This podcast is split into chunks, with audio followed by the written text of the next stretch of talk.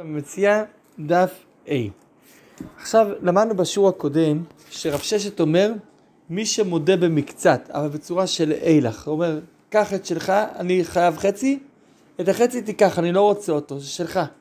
אבל אז את החצי השני שהוא בעצם לא מודה בו, זה נשאר אצלו. כי הוא אומר אילך, אז אומר רב ששת הוא לא יהיה חייב שבועה כי הוא כבר סגר את הסיפור, ועכשיו לחצי השני הוא כופר את הכל, וכופר הכל לא חייב בשבועה. עכשיו באה הגמרא ומקשה קושייה נוספת על מה שרב ששת אמר. ולמאן דאמר אילך פטור, לפי הדעה הזאת של מי שאומר אילך, שזה רב ששת פטור, במודמים קצת, המאי איצטרי קרא למהותי קרקע משבועה. הכל קרקע, אילך הוא. למה? התורה באה להגיד לך שקרקע לא חייב שבועה. שלמדנו שכפירת קרקעות בשיעור הקודם, בסוף למדנו שכפירת קרקעות לא חייב בשבוע, הרי כל קרקע זה כמו אילך, למה כל קרקע זה כמו אילך? כי קרקע אי אפשר לגזול, הקרקע קיימת במקום והקרקע היא נשארת תמיד בבעלות של הבעלים שלה. אז אם כן, יוצא שכל קרקע זה סוג של אילך, הנה, ככה שלך, אני מודה בחצי, בחצי מהקרקע, והנה הקרקע, הקרקע היא פה. אז זאת אומרת אפילו לא צריך לעשות איזה סוג של העברה. אז אם כן, כל קרקע זה כמו אילך. אז למה על קרקע הוא יהיה... צריך פסוק להגיד, להגיד לך שיהיה פטור משבועה, הרי כל קרקע זה כמו אילך, ואילך פטור משבועה. אומרת הגמרא, אמה לך עץ צריכה. גם בקרקע אני צריך פסוק. תירוץ ראשון למה? איכא דחפר בה בורות שיחין ומורות. במקרה שהנתבע חופר בקרקע בורות, שיחין ומורות, במקרה כזה, ההודעה לא נחשבת כאילך, למה? כי עכשיו הקרקע השתנתה, הוא שינה את הקרקע, והוא בא ותובע אותו, הוא אומר, תשמע, השיחין, המאורות, שיחין זה חפירות, החפירות, המאורות האלה הם שלי. אני טוען החפירות, נכון, החפירות הן שלך, אבל אני מודה לך רק על אחת ולא על השנייה.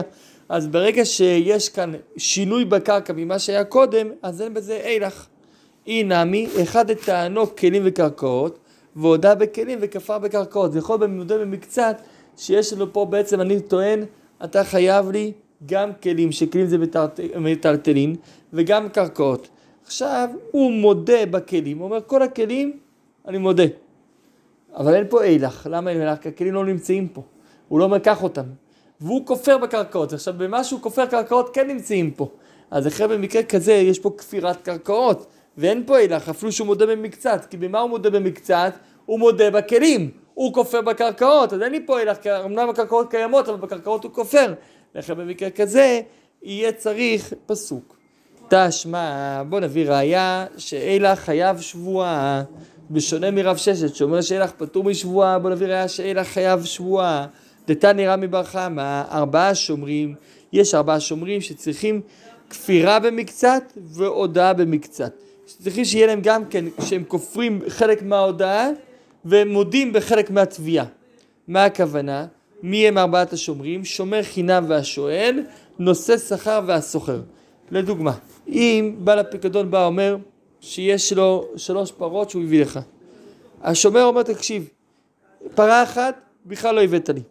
פרה אחת אני חייב להחזיר אותה, פרה אחת נאנס. במקרה כזה יש לי פה מודה במקצת, למה? כי יש פה גם הודעה על התביעה וגם כפירה על התביעה.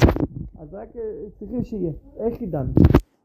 מה זה הכוונה פה שהוא מודה במקצת? שהוא מודה אומר דבר אחד אני כן מודה. לאו דאמר לאילך, מדובר פה שלכאורה הוא שומר. אם השומר, זה אומר שיש לו פה את הפרה נמצאת אצלו. אז אם הפרה נמצאת אצלו, אז לכאורה זה אילך, הוא אומר הנה אי שלך, קח אותה, אילך, אי שלך, קח אותה. ואני רואה שמה הדין באילך? אני רואה שהדין באילך שהוא יהיה חייב שבועה. אם כן, זה נגד רב ששת, שרב ששת אומר שהוא לא חייב שבועה. אומרת הגמרא לא, אף אחד לא חייב להגיד שזה אילך. דאמר לי, שלוש פרות מצאתי לך לשמור. שבעל הפיקדון אומר לשומר, תקשיב, אני מצאתי לך שלוש פרות לשמור, מתו כולן בפשיעה, ואתה חייב לי את שלושתן. בעל הפיקדון, בעל הפרות, אומר, אני הבאתי לך שלוש פרות, אני רוצה את שלושתם חזרה, למה אתה פושע? אתה לא שמרת להם טוב, אני רוצה את שלושתם אצלי בחזרה. ואמר לאיו, ואז בא השומר ואומר, תקשיב, חדה לא היו דברים בעולם. על פרה אחת בכלל לא הבאת לי אותה. בכלל לא הבאת לי אותה. אני כופר בהכל לא היה בכלל. הבאתי לי רק שתיים. מה זה כבר? זה כבר כופר במקצת הטענה, הוא כבר מתחייב שבועה, למה? כי הוא אומר חלק נכון, חלק לא נכון. חדה, מתה באונס. על השנייה אני פטור, אפילו שהבאת לי. למה? כי מתה באונס, ומי שפרה שלו מתה באונס, פטור. השומר פטור. וחדה מתה בפשיעה, ופרה אחת אני באמת חייב לך, דבעינא שלום לך. ואז דלאו אלך הוא. דלאו אלך, למה לאו אלך? כי עכשיו הפרה היא לא חיה, היא מתה. אין פה פרות בכלל. אין פה אף פרה. אין פה שלוש פרות, אין פה. רק הוא אומר, אחת אני בכלל לא הבאת לי, אחת אני פטור לשלם, ואחת אני חייב לשלם כי היא מתה בפשיעה, אבל היא מתה! אז היא לא נמצאת כאן. אז אם כן אין לי פה אפילו הלך אחד. במקרה כזה שאין לי פה אפילו הילך אחד, במקרה כזה, אז יהיה חייב בשבועה. אז אם כן אין ראייה שהילך אם זה קם או חייב שבועה או לא חייב שבועה. נביא עכשיו עוד קושייה על הדין הזה שאומר שהילך יהיה פטור. תשמע, דתניא אבוה דרבי אפטוריקי, רבי אפטוריקי היה תנא. אבא של רבי אפטוריקי גם היה תנא. והוא למד איזה משהו לרבי חייא קמייתא, וזה סותר את מה שאמרנו בהתחלה מרבי חייא, שאומר מנה לי בידך, בא אדם אומר לחברו תקשיב אתה חייב לי 100 זוז. אללה אומר לא חייב לך שום דבר, אללה אומר אין לך בידי כלום.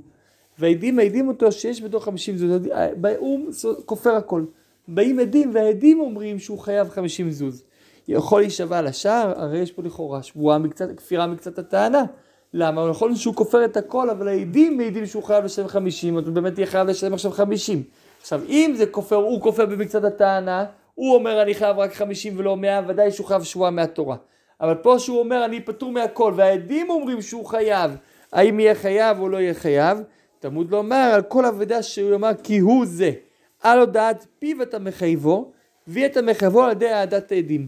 אז אם כן, רק אם הפה שלו אתה מחייב אותו, אתה לא מחייב אותו על מה שהעדים אומרים. יש לי פה ממש קושייה על כל הדין הראשון של רבי חייא. הרי למדנו שרבי חייא אומר שאם יש אדם כופר בהכל ויש עדים שמחייבים אותו אה, חמישים בלבד. רבי חייא אומר שיהיה חייב בשבועה, למה? כי לא יכול להיות שעדים יהיו יותר חלשים מהודעת פיו. שאם בהודעה בפה הוא אומר אני חייב חמישים חייב שבועה, עדים שאומרים שיהיה חייב שבועה, אומר רבי חייא ודאי שיהיה חייב שבועה. אבל כאן אצלנו אנחנו רואים ברייתא מפורשת, שאבא של רבי אפטוריקי אומר, שרק במקרה שהפה שלו מודה שהוא חייב ויהיה חייב שבועה, ואילו במקרה שעדים מעידים הוא לא יהיה חייב שבועה, זה ברייתא הכי מפורשת שיש, סתירה מה שרבי חייא אמר. אומרת הגמרא, מתניתא קא רמית עליה דרבי חייא? אתה מקשה מברייתא על רבי חייא? רבי חייא תנא הוא, רבי חייא נכון שהיה מורה, אבל בגלל שרבי חייא היה בדור הראשון, הוא הספיק עוד ללמוד מרבי יהודה הנשיא ולהסתמך על הדור, נחשב כתנא. ופאניק, הוא יכול לחלוק עליו, אז נכון, אז רבי הפוטיקר אומר ככה, אבא של רבי הפוטיקר אומר ככה, והוא חולק עליו. הוא אומר, יהיה חייב אה, שבועה בגלל שעדים מעידים עליו. אומרת הגמרא, עזוב, עזוב את הדעה. והקרא כאמר, הוא הביא ראיה מהפסוק על כל העובדה שהוא אמר כי הוא זה, יש לו פה פסוק. ההוא למודה במקצת הטענה. אומרת הגמרא, נכון, רבי חייא לא חולק על הפסוק, אומר הפסוק הזה בא ללמד אותי, שמודה במקצת הטענה חייב שבועה, אבל הוא לא אומר שרק במקרה של פה, אלא הוא אומר שפשוט יהיה חייב שבועה, ואין את הדיוק שרק במקרה של פה. ואבו אדר רבי הפרוטיקל, באמת אז אם כן, מאיפה אבו אדר הפרוטיקל למד את זה? יכול שלומדים מזה רק את הדין שמודה במקצת הטענה שחייב שבועה, אבל לא לומדים שרק במקרה של פה, לך כתיב הוא וכתיב זה. למה כתוב עד כמר כי הוא זה, יש פה הדגשה כפולה. אחד לדין מודה במקצת הטענה, ואחד להעדת הדין די פטור. בא אחד להגיד שיהיה חייב במודה במקצת הטענה, והשני בא להפך לכתוב. פשוט הגמרא ואידך, אם כן, מה שרבי חייא לא ממעט עדת עדים, אז מה הוא לימד מהו זה, מה הוא לימד מהכפילות? אחד למודה מקצת הטענה, ואחד למודה ממין הטענה. זה בא ללמד שכדי להתחייב שבוע מודה מקצת, צריך שתהיה הודעה ממין הטענה.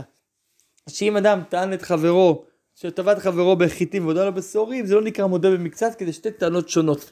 זה בא להגיד המיעוט כי הוא זה, אז אם כן שנינו יודעים שיש מיעוט. אבא של רבו פורטיקל לומד שיש מיעוט, להגיד לך דווקא אם הוא מודה ולא עדים. רבי חייא אומר המיעוט בא להגיד דווקא אם זה מאותו טענה, שניהם בחיטים, שניהם בשעורים, אבל אם זה תבע אותו בחיטים, טענו בחיטים, ועודו לו בשעורים, במקרה כזה באמת תהיה פטור משבועה, למה? כי זה לא אותה טענה, זה טענה נפרדת.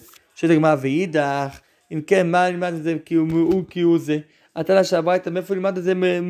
הטענה אבא של בפרוטיקי, מאיפה נלמד את זה שצריך להיות מאותה טענה? הרי גם הוא מסכים עם הדין הזה שמודה מן הטענה חייב להיות אז שזה מאותו מין הטענה, אבל אם זה ממין אחר יהיה פטור משבועה. מאיפה הוא לומד את זה? עונה הגמרא מודה ממין הטענה לטלה. הוא סובר באמת, לא כמו רבי חייא ולא כמו השיטה המקובלת, הוא סובר שאם אדם טבע את חברו בחיטים והודה לו בשעורים, גם כן יהיה חייב בשבועה. סבא לה כרבן גמליאל בזה, שרבן גמליאל סובר במשנה, טענו בחיטים והודה לו בשעורים פטור, רבן גמליאל מחייב. אז הם חולקים אותו מחלוקת. אוקיי, יפה מאוד. מספרת הגמרא סיפור. אה ראיה, היה איזה רועה. דבו מסו לכל יום החייבתה בסעדה. כל יום היו מביאים לו אנשים בהמות לשמור עם עדים. יום אחד מסרו לו בלא סעדה, כנראה שהם יקראו את הסחורה שלהם. יום אחד מסרו לו את החיות בלי עדים.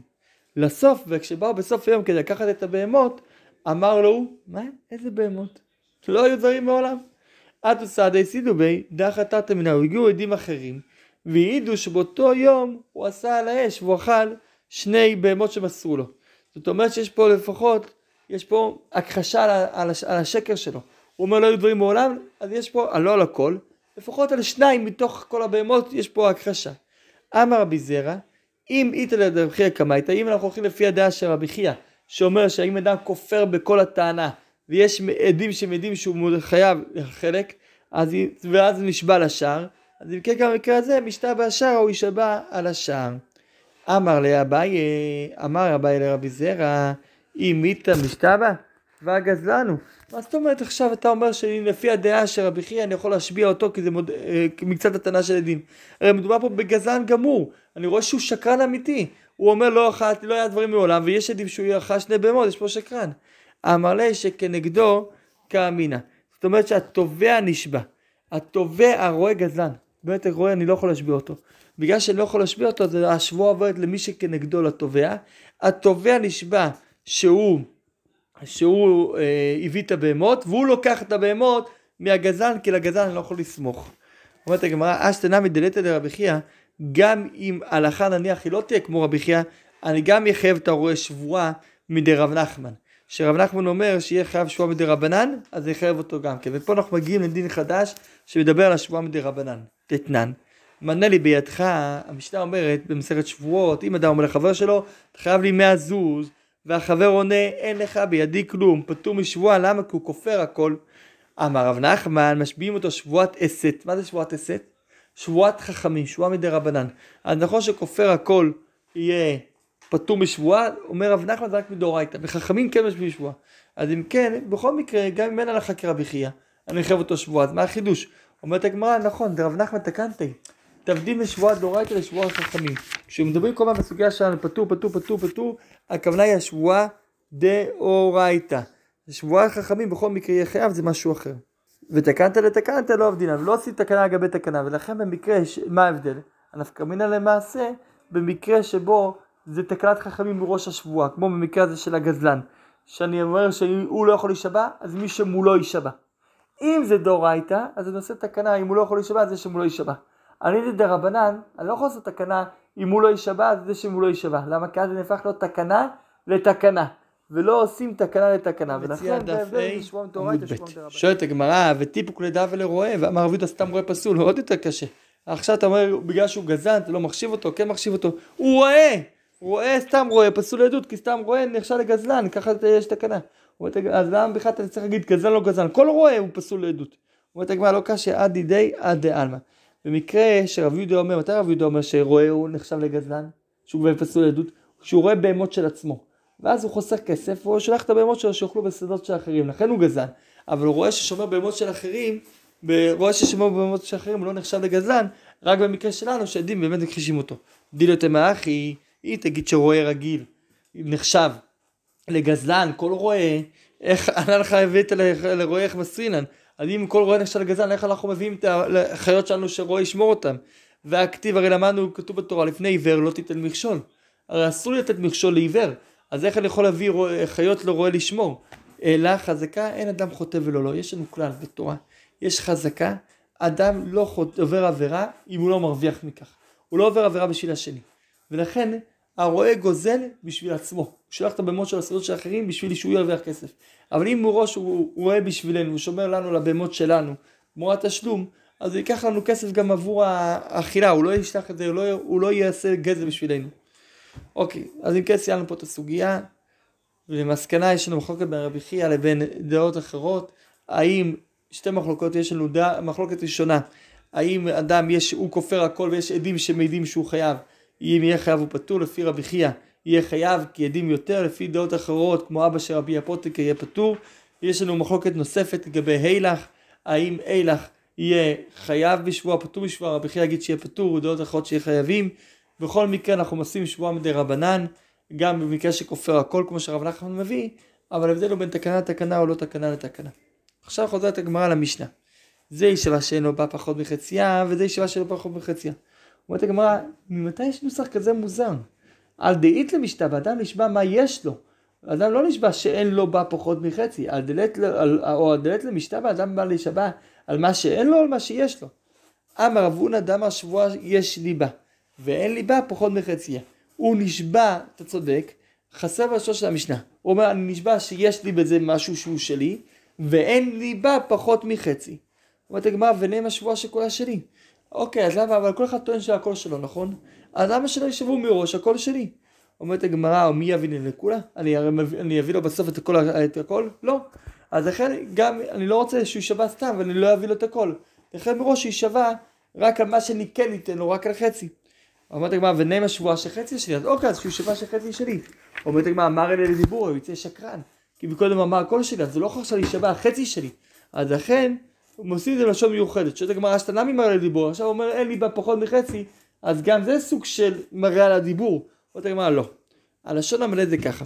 דאמר, כל אחד משני אלה שאוחזים בטלית אומר, כולה שלי, כל הטלית היא שלי. ולדבריכם, לפי שיטתכם, שאתם לא תאמינו לי, שבועה שיש לי בה, ואין לי בה פחות מחציה.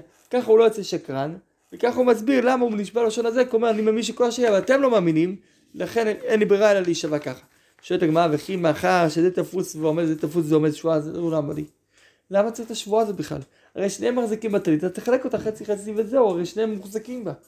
אומרת הגמרא, אמר רבי יוחנן, שבועה זו תקנת חכמים. אתה צודק, מצד התורה לא צריך שבועה, כי שניים מוחזים בטלית יחלוקו. חכמים תקנו שבועה, שלא יהיה כל אחד ואחד הולך ותוקף בטליתו של חברו ואומר שלי הוא. כדי שלא כל אחד אחד הולך ויתפוס את הטלית של החבר שלו ויגיד היא שלי. ואז, ואז חצי חצי, אני עכשיו תופס לך את הטלית, אה, חצי חצי, כדי שלא, שנינו מחזיקים, לא? כדי שלא יקדם לקהל חצי שבועה. אומרת הגמרא, ונימה מגוד הממונה חשיד הממונה שבועתה. רגע, אם יש פה, פה שניים אוחזים בטלית, אז יש פה אחד שאני מחזיק אותו כשקרן, נכון? כי כל אחד אומר שהוא שלו הכל, שלו הכל, לכן אני צריך אותם שבועה. אז אם אתה צריך אותו שבועה, כי אתה חושד אולי תקף את חברו בממון, כן? זאת אומרת כל היסוד הזה, יש פה חשש של אדם בעצם תוקף את החבר שלו. אז איך אתה תאמין לשבועה שלו בכלל? אם אתה חושד בו שהוא גזלן, איך תאמין לשבועה שלו? אומרת הגמרא, לא אמרינא מי גודל חשיד הממון חשיד השבועה. אתה טועה. אל תערבב בין הדברים. יש כאלה שאני כן חושד בהם בממון, ולא חושד בהם בשבועה. ואני לא אומר מתוך שאני חושד בן אדם בממון חושד על השבועה. דילו תימא אחי, שאם לא תגיד ככה, אי דאמר רחמנא, מודה במקצת הטענה היא שווה. נעמה מגודל חשיד הממון חשיד השבועה. אם לא תגיד ככה, מה שהתורה אומרת שמי שמודה במקצת נשבע. איך אתה אומר מודה במקצת נשבע? כי הסברנו שאנחנו חושדים בו שם הוא גוזל ולא נעים לו להגיד שאני לא חייב כלום. אז לכן להישבע. אז רגע, אם אתה חושב בו כגנב, אז איך אתה מאמין לו לשבועה? אלא מה, אתה חייב להבין. אומרת הגמרא לא, אין משם ראיה. עתה משתמותא כמשתמא כדרבא שם, באמת מודה מקצת הטענה, רבא אומר, רבא אומר שהוא לא באמת רוצה לו לשלם, הוא כן רוצה לשלם. רק פשוט אין לו כסף, ולכן הוא מנסה להתחמק, ואז הוא רק אומר, אני אשלם חלק, אחרי זה אשלם לגמרי. תדע, מאיפה אני רואה שבאמת, שהוא רק משתמט והוא לא רוצה לגזול? דאמר רבי דיבר אבי, דאמר רב חיתא, כופר במלווה קשה לעדות. הכופר בפיקדון פסול לעדות. למה כופר במלווה יהיה קשה לעדות? כי אני באמת, הוא לא התכוון, הוא באמת לא התכוון, חס וחלילה לא לשלם, הוא רק התכוון לדחות את זה. אלא עד דתני רבי בברייתא, מה שרבי חמא בברייתא, ארבעה שומרים צריכים כפירה במקצת. והודעה במקצת, כדי שיהיו חייבים להישבע שבועת השומרים. הם צריכים גם לכפור במשהו וגם להודות במשהו, כמו שהבאנו קודם שלוש פרות, ואז פרה אחת הם כופרים, פרה אחת הם מודים, ובפרה השלישית הם פותרים את עצמם. וזה השומר חינם והשואל עושה שכר והסוחר, נימה מגודל חשיד הממון חשית השבועתה, נגיד אם תגלה שהוא חשוד על גזל פרה, איך אני יכול לקבל את השבועה שלו, הוא יהיה חשוד גם לשבוע השקר. אומרת הגמרא, תמנמי, גם שם אני יכול להגיד שהשתמטות גם משתמת, גם שם אני יכול להגיד שהוא באמת משתמט. סבא, משכח לה גנב ותפסין עלי. הוא אומר, באמת גנבו לי. ובגלל שגנבו לי אני חייב לשלם כי אני שומר שכר. אבל אולי אני אמצא את הגנב, ואז אני כבר אשלם את זה. אז לכן הוא אומר, לא, אני לא, לא חייב, אני אומר, לא גנבו לי, אלא היא מתה באונס. כדי שיקרה מקרה אולי ימצא את הגנב בינתיים ואז ישלם את זה, הוא לא רוצה להוציא מהכסף שלו, אז לכן הוא גם מתחמק. אי נמי, הוא אומר לעצמו, משכח לה לבאגם, הוא מתאים לה, הוא אומר אולי נמצא את הבהמה באגם ונביא אותה למפקיד, לכן שהיא ברחה ממנו. ולכן הוא אומר, נכון אני פשעתי, אני אשלם לו, אבל בינתיים אני נמצא, אז לכן נגיד בינתיים אני לא חייב. אומרת הגמרא, יחי, הכופר בפיקדון, המה פסול לעדות. אותו דבר, אם תגיד ככה, כל אחד בעצם יתרץ לעצמו, שהוא באמת, הוא יכול להיות שהוא ישלם, רק לא עכשיו, אז למה מי שכופר בפיקדון הוא פסול לעדות? נעמה שתמות לקום משתמת, וסבר עד ככה שאתה משכח לזה. הוא יכול להיות גם כן שאותו דבר, כופר בפיקדון, למה יהיה פסול לעדות? יכול להיות שהוא גם כן משתמט, והוא סובר, אני דוחם עליי את המפקיד, עד שנמצא את הפיקדון. אומרת הגמרא כי אמרינן כופר בפיקדון פסול לעדות כגון דעתו סדה והסעידו ב. דאי שתא איתא לפיקדון בביתה ואב וידה. יכול להיות באמת במקרה כזה שכופר בפיקדון פסול לעדות זה במקרה שהעדים עדים ומעידים בו והפיקדון נמצא אצלו בבית. ואז מדובר פה לא באחד שמשתמט ואין לו והוא רוצה להביא, אלא מדובר פה בשקרן אמיתי שהפיקדון אצלו. אינה מידה ונקית לבידיה, או אפילו יכול להיות שמדובר שהוא מחזיק את זה ביד שלו. ולכן במקרה כזה יהיה פסול לעדות, כי אתה לא יכול להגיד הוא מתחמק. אלא עד אמר רב הונא, מה שרב הונא אמר, ששומר שטוען שקרה לפיקדון משהו שהוא פטור לה מצד הדין והוא רוצה לשלם במקום להישבע, אומר אני לא מוכן עכשיו להישבע, אפילו שאני פטור, אני רוצה להישבע, משווים את השבועה שאינה ברשותו. אז אומרים, יכול להיות שבאמת הוא כזה אחד, יכול להיות שהוא רוצה לשלם את זה במקום, כי יכול להיות שהוא חמד את החפץ. ובגלל שהוא חומד את החפץ הוא לא גנב, אבל הוא חומד את החפץ, אז הוא אומר אין לי את זה, אז אמרו לו טוב תשבע תהיה פטור. הוא אומר לא אני מוכן, אני לא רוצה להישבע, אני רוצה לשלם, למה? כי הוא רוצה בעצם את החפץ. אז אומר רב הונא משביעים אותו שבועה שאינה ברשותו. אז לא משביעים אותו שהוא חייב, אלא משביעים אותו שזה לא אצלו, כי אני חושד בו, אולי זה אצלו והוא חפץ את החפץ. אז נימה מגוד החש את הממון החש את השבועתה. נגיד אולי בגלל שהוא חשוד על ממון, הוא חשוד רק על השבועה. אומרת הגמרא, אטם נמי, להפך, זו הדוגמה הכי טובה להגיד למה הוא מתחמק. אמה אדם מקייבין עליי, אני אומר, אני אביא איתו את הכסף וזה ישאיר אצלי. לכן אני לא חושב שהוא חשוד על גזל, כי הוא רוצה לשלם. לכן אני משביע אותו. אומרת הגמרא, אמה לרב אחמד דיפתה, אני לא מבין. האדם כזה הרי עובר איסור אה, לאו. אומר רב אחמד דיפתה רבינה, והכאב עליו שלא תחמוד. אומרת הגמרא לא תחמוד לאין שבלא דם ממשהו לו. אנשים חושבים לא תחמוד הכוונה היא לגנוב. אבל לא תחמוד כשאני משלם, אין בזה בעיה שלא תחמוד. אז לכן הוא חומד את החפץ הזה. הוא אומר אני אשלם לו כסף על זה במקום, אני אגיד זה נגנב ממני. ויגידו לו תשמע אתה פטור. תגיד בכל זאת אני מוכן לשלם כי אני לא רוצה להישבע. ואז אני אקח את החפץ לעצמי, אני לא גנב, אני משלם חפץ, אני לא, לא אומר לא תחמוד. לכן אני משביע אותו שזה לא ברשותו, אף על פי שאני לא חושד בו על גזל, אלא כדי לראות שהוא לא חמד את זה לעצמו. עד כאן.